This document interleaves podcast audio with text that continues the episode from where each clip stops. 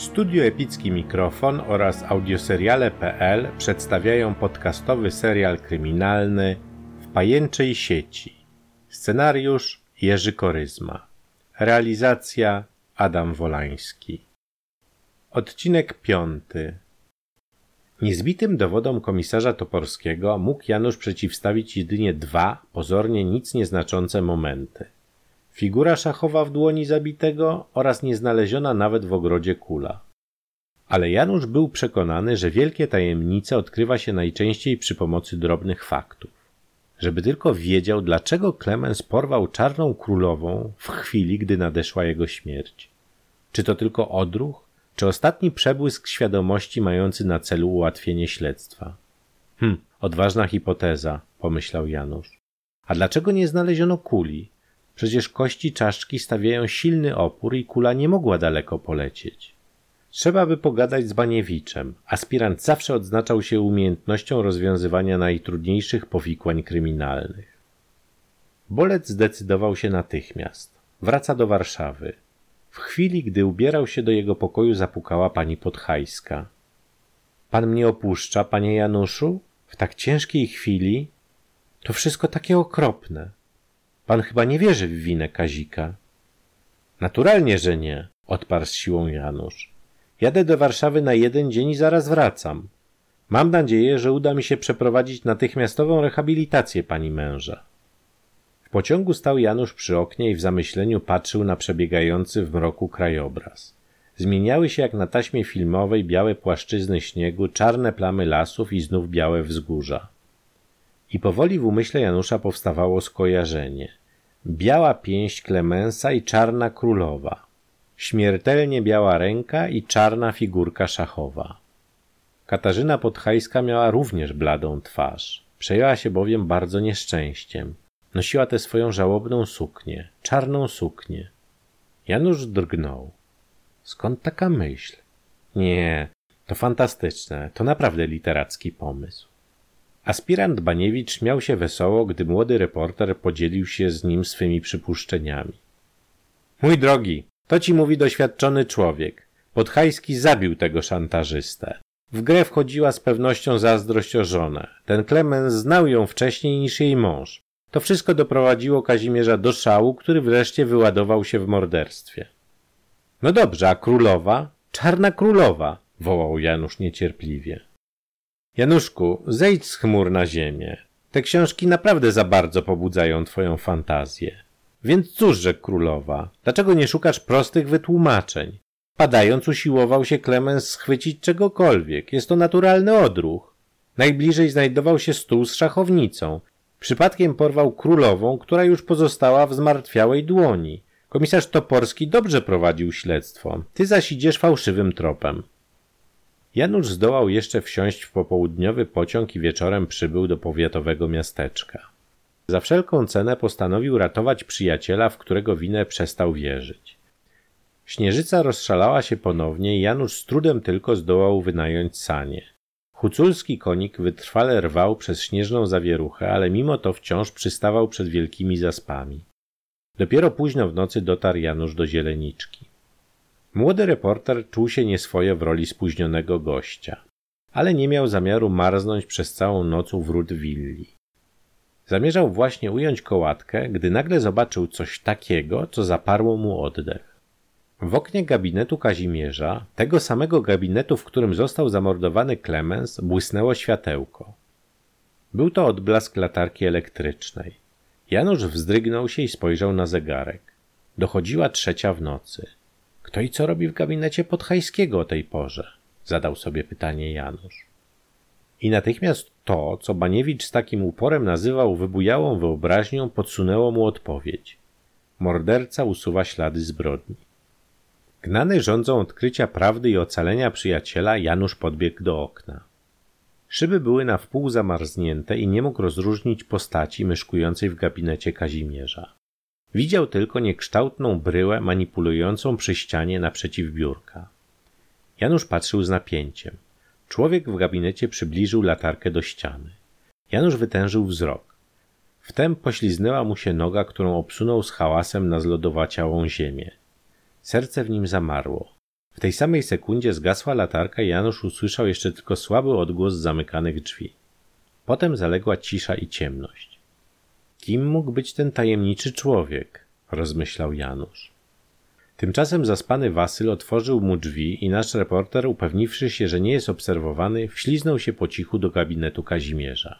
Zbliżył się do ściany, przy której zauważył tajemniczego człowieka. Zapalił swą latarkę, osłoniwszy ją uprzednio dłonią i skierował snop światła na ścianę. Lekkie westchnienie wydobyło się z jego piersi. Zgasił latarkę i udał się po cichu do sąsiadującego z gabinetem salonu. Tam zbadał ścianę, wspólną ze ścianą gabinetu. Zakończywszy te oględziny, Janusz zszedł do kuchni i zbudził Wasyla, potrząsając go za ramię. Wystraszony Hucuł zerwał się na równe nogi. Zachowajcie ciszę, Wasylu, szepnął Janusz. Powiedzcie no, sprzątaliście cały dom w dniu, w którym zastrzelony został ten pan Klemens? Tak, panie, odrzekł Wasyl. I nie znaleźliście wówczas czasem jakiegoś sznurka albo nici? Wasyl potarł po ranę z marszczkami czoło i odrzekł. Sznur? Nie, ale kawał drutu znalazłem.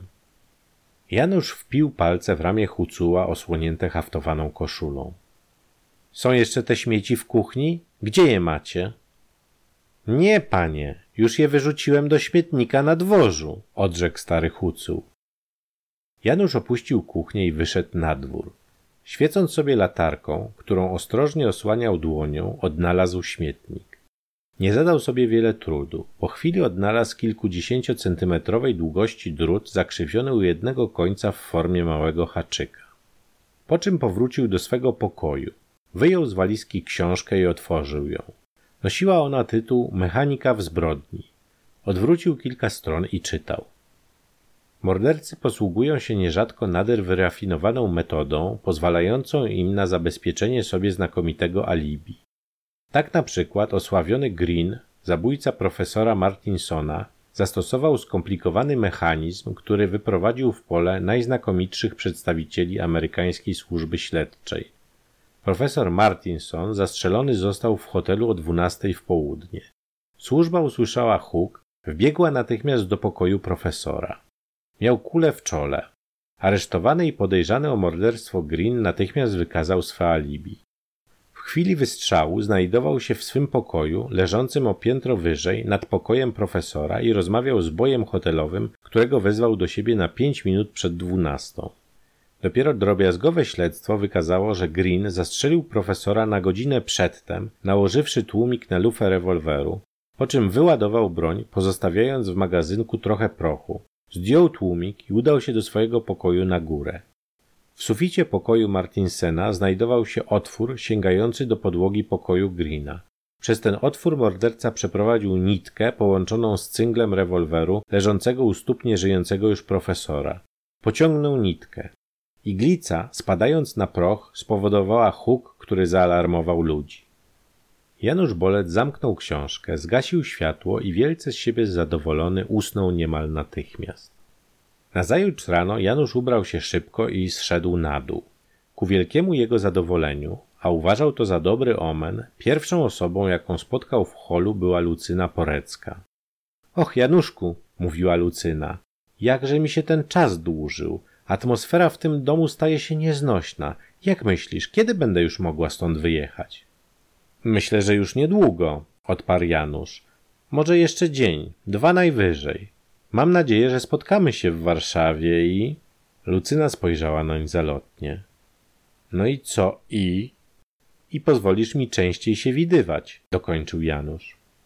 Obejrzała się szybko, czy nikt ich nie widzi i przylgnęła do Janusza. Oddał jej gorący uścisk. Wtem usłyszeli kroki. To była Katarzyna Podhajska. Wyglądała bardzo źle. Widocznie spędza bezsenne noce, pomyślał Bolec. O, jak to dobrze, że pan wrócił, zawołała Katarzyna. Czy jest coś nowego w sprawie Kazika? Nie możemy przecież pozwolić, by cierpiał niewinnie.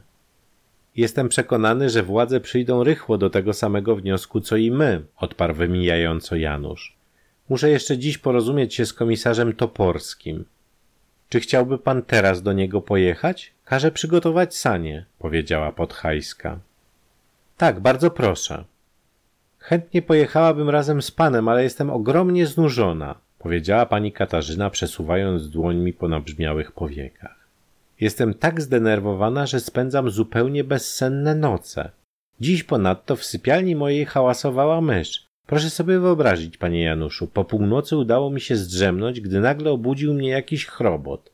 Patrzę na poręcze łóżka, skacze najbezczelniej w świecie mała myszka. Widocznie to cisza tak ją ośmieliła. Ładniutkie to i miłe stworzenie z błyszczącymi jak robaczki świętojańskie oczkami, ale nie daje spać. Będę musiała zaraz powiedzieć Wasylowi, aby ustawił pułapki. Janusz słuchał w zdziwieniu tych chaotycznych nieco słów.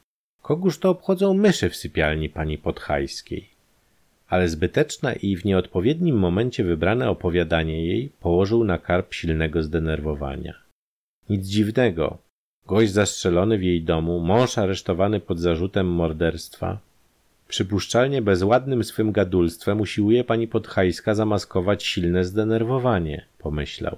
Tymczasem nagłos rzekł. Proszę, niech pani sobie lepiej wypocznie. Ja pojadę sam.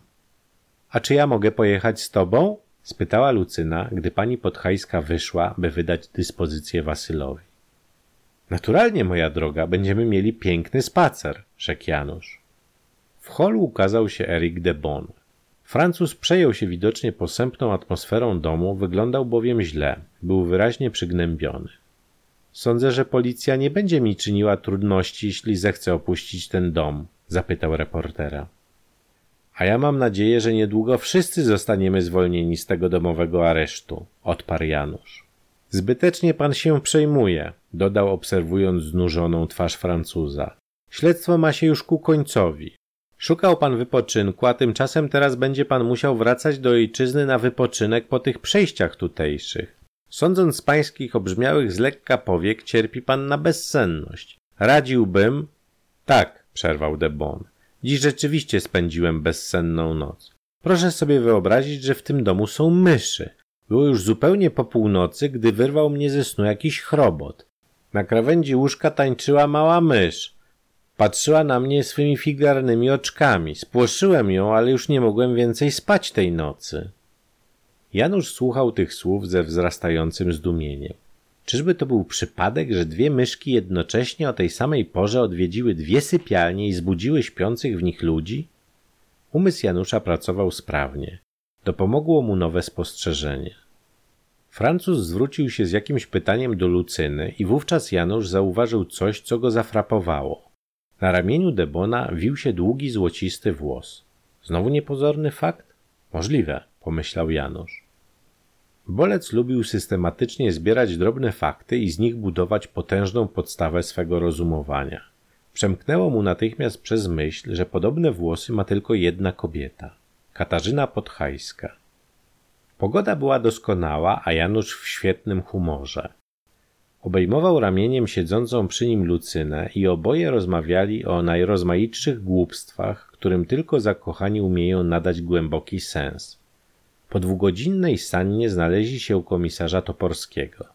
Przedtem jednak Janusz wstąpił do urzędu telekomunikacyjnego i wysłał do aspiranta Baniewicza następującą depeszę. Wiwat literatura. Stop. Wsiądź w samolot do Lwowa. Stop. Przybądź tu. Stop. Przekonasz się. Stop. Janusz. Janusz i Lucyna przywitali się z komisarzem Toporskim. Czy będzie mi mógł pan poświęcić kilkanaście minut czasu? zapytał Janusz. Ale oczywiście, nie ma problemu, odparł przejmie Toporski. Po chwili usiedli w zacisznym gabinecie komisarza. Janusz rozpoczął wywód swym cichym, niskim głosem. W miarę jak mówił, rosło zdumienie w oczach Toporskiego. Gdy Janusz skończył, komisarz rzekł: To wszystko jest mało prawdopodobne, co pan mówi. A jednak prawdziwe, powiedział z przekonaniem Janusz. Panie komisarzu, proszę mnie posłuchać. Tu chodzi nie tylko o dobre imię mojego przyjaciela, ale przede wszystkim o tryumf prawdy. Jestem pewien, że mam rację. Muszę jej tylko dowieść. Proszę mi to umożliwić, panie komisarzu. No dobrze, zgadzam się, odrzekł Toporski. Koniec odcinka piątego. Ciąg dalszy nastąpi. Premiera kolejnego odcinka podcastu już jutro o godzinie 6 rano czasu środkowoeuropejskiego. Jeśli spodobał Ci się ten podcast, zasubskrybuj go i poleć za pośrednictwem mediów społecznościowych swoim znajomym. Do usłyszenia.